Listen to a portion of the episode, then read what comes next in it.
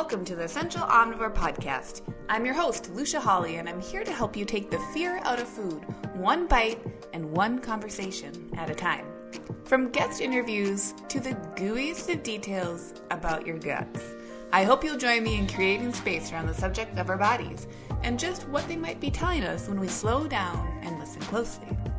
Remember that the information provided within this podcast is for general information and educational purposes only and does not provide medical advice, professional diagnosis, opinion, treatment, or services to you or any other individual. Welcome to the Essential Omnivore Podcast. I'm your host, Lucia Hawley, and I am enjoying the feeling of fall. I woke up this morning, took Hazel out for a walk. Hazel's my dog, if you didn't know that. And there were crispy, crunchy, brittle, colorful leaves on the ground. And it was overcast outside and it was cool in the morning. And I, for one, am welcoming the return of fall.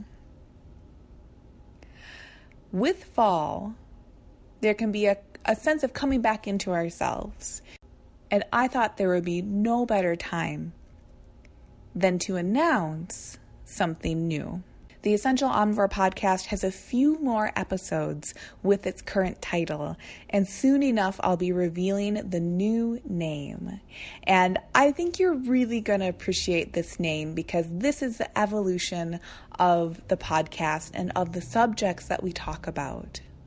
So stay tuned. We have just a few more episodes before this change takes place, and I can reveal and we can all enjoy the new name and the solidified intention of the podcast. When I started the Essential Omnivore podcast, I knew that it would evolve and grow. I just didn't know where. But I knew that I could trust where it would take me, and that's exactly where we are. So, as that change continues to get closer and closer in the pipeline, today I want to riff off of a post that I posted on Instagram that got a lot of really great feedback. Here's what people have been saying. I always figured it was my imagination that I feel like it's a luxurious day when I allow myself to drink and then refill and drink again. Whoa.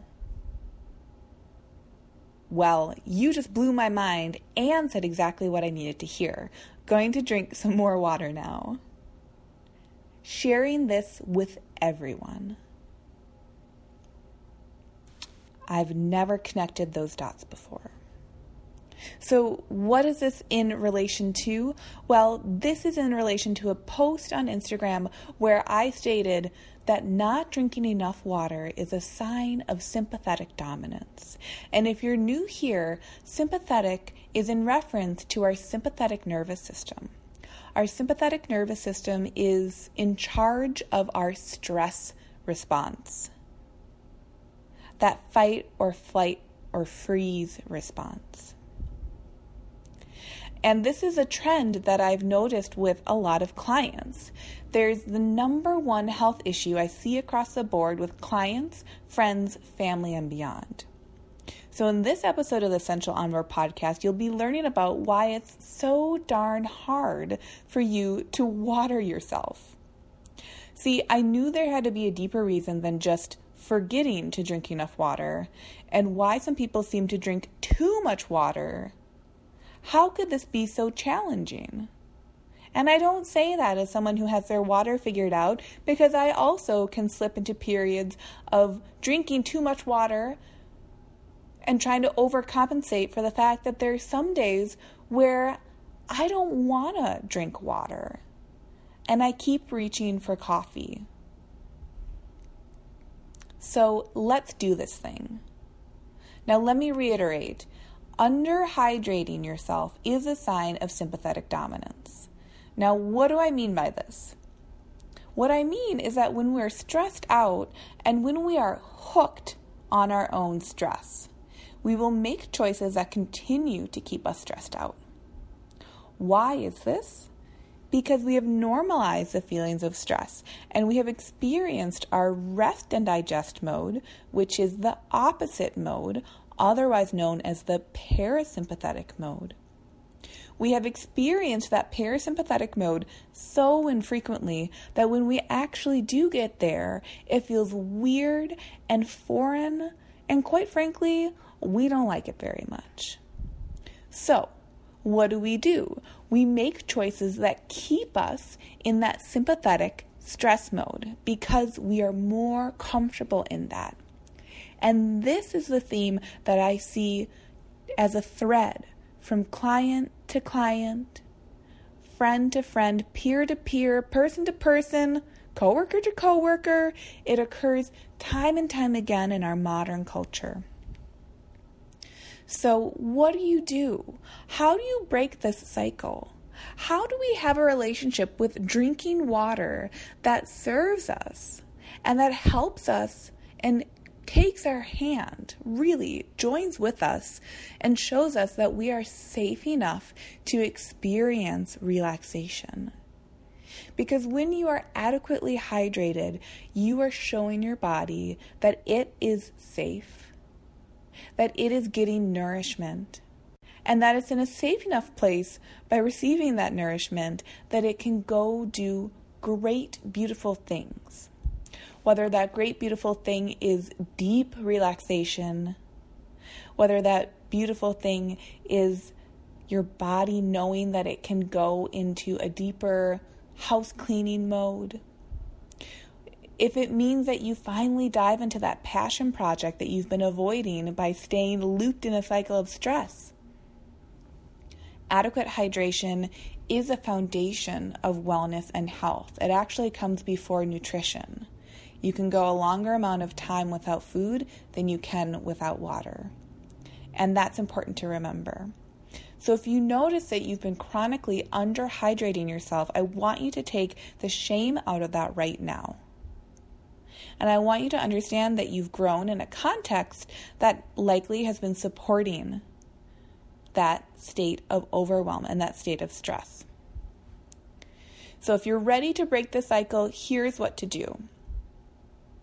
My number one tip, and this is especially important for people who not only are not drinking enough water every day, but are also the people who don't feel thirsty for tap water or for plain water. This is for the person who doesn't like the taste of water. Your mission is to add electrolytes to your water. Add a pinch of sea salt and a pinch of Nu-Salt also known as potassium salt. This salt might sound foreign, you might have never heard of it before, but it's actually very commonly found in most grocery stores. And it's a salt replacement. The reason salt producers also make potassium salts is for people who are told to eat a salt free, sodium free diet due to hypertension or other health conditions. Potassium salt tastes gently salty and it does not contain sodium. So that is why some people are told to take it. And that works out really well for us people over here who simply want to get a cheap and easily accessible source of potassium. Why do we want potassium? Because potassium is one of our three electrolytes sodium, potassium, and magnesium. When you have sea salt, you have access to quality sodium when you have Nu-Salt, you have access to potassium chloride. And this combination alone is a stellar way that you can add to your water and make it an electrolyte drink and make it a drink that your body is going to recognize that it can use to more fully hydrate itself. Because not only are many of us chronically underhydrated, but when we're drinking just plain water that is not rich in electrolytes, it can pass through us and it cannot absorb as fully into our system. So you can actually trust that your body's been saying, I'm not that into water. I don't I don't like the taste of it because what your body might really be asking for is electrolyte rich water. So go to the grocery store, get a sea salt, get the potassium chloride, and just take a pinch of both and put them into a glass of water, stir it up, drink it down, and notice how you feel. My other tip, because what are the conventional tips here? Let me just add a caveat. Conventional tips to rehydrate yourself are to just drink more water. But what if you're the person who's drinking water all the time and you're actually overhydrating yourself because you're stuck in a loop of sympathetic stress dominance?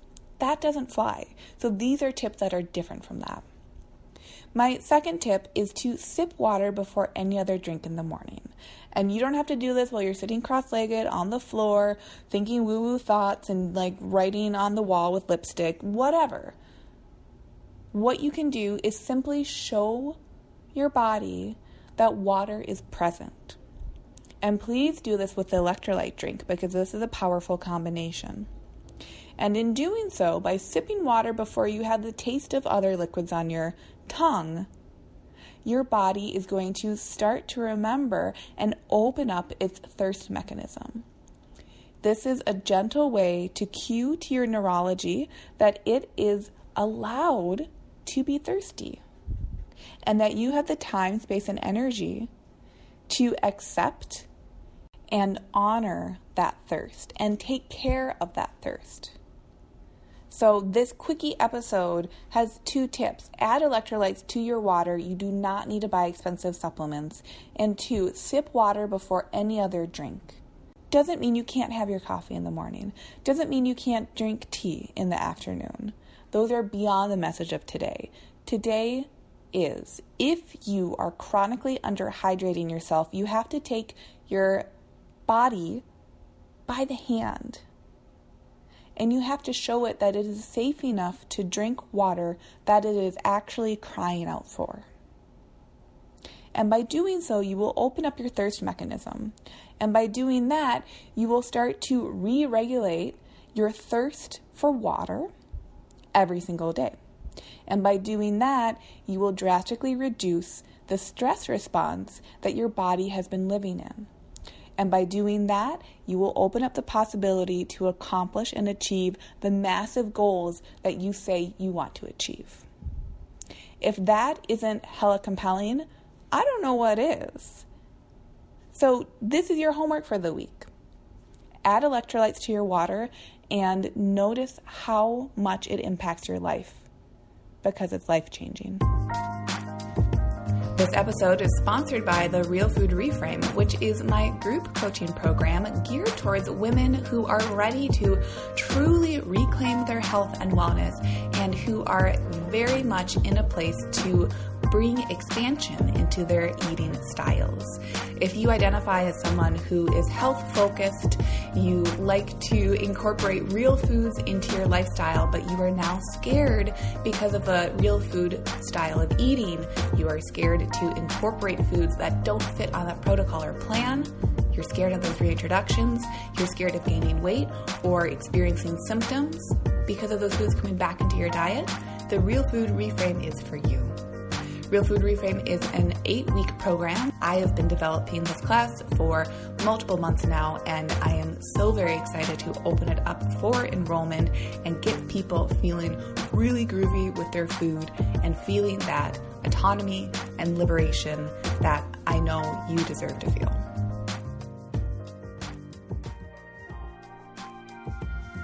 Hey, thanks so much for joining along on today's episode. For full archives of past episodes, hop on over to essentialomnivore.com or subscribe to the Essential Omnivore podcast on Apple Podcasts or Stitcher.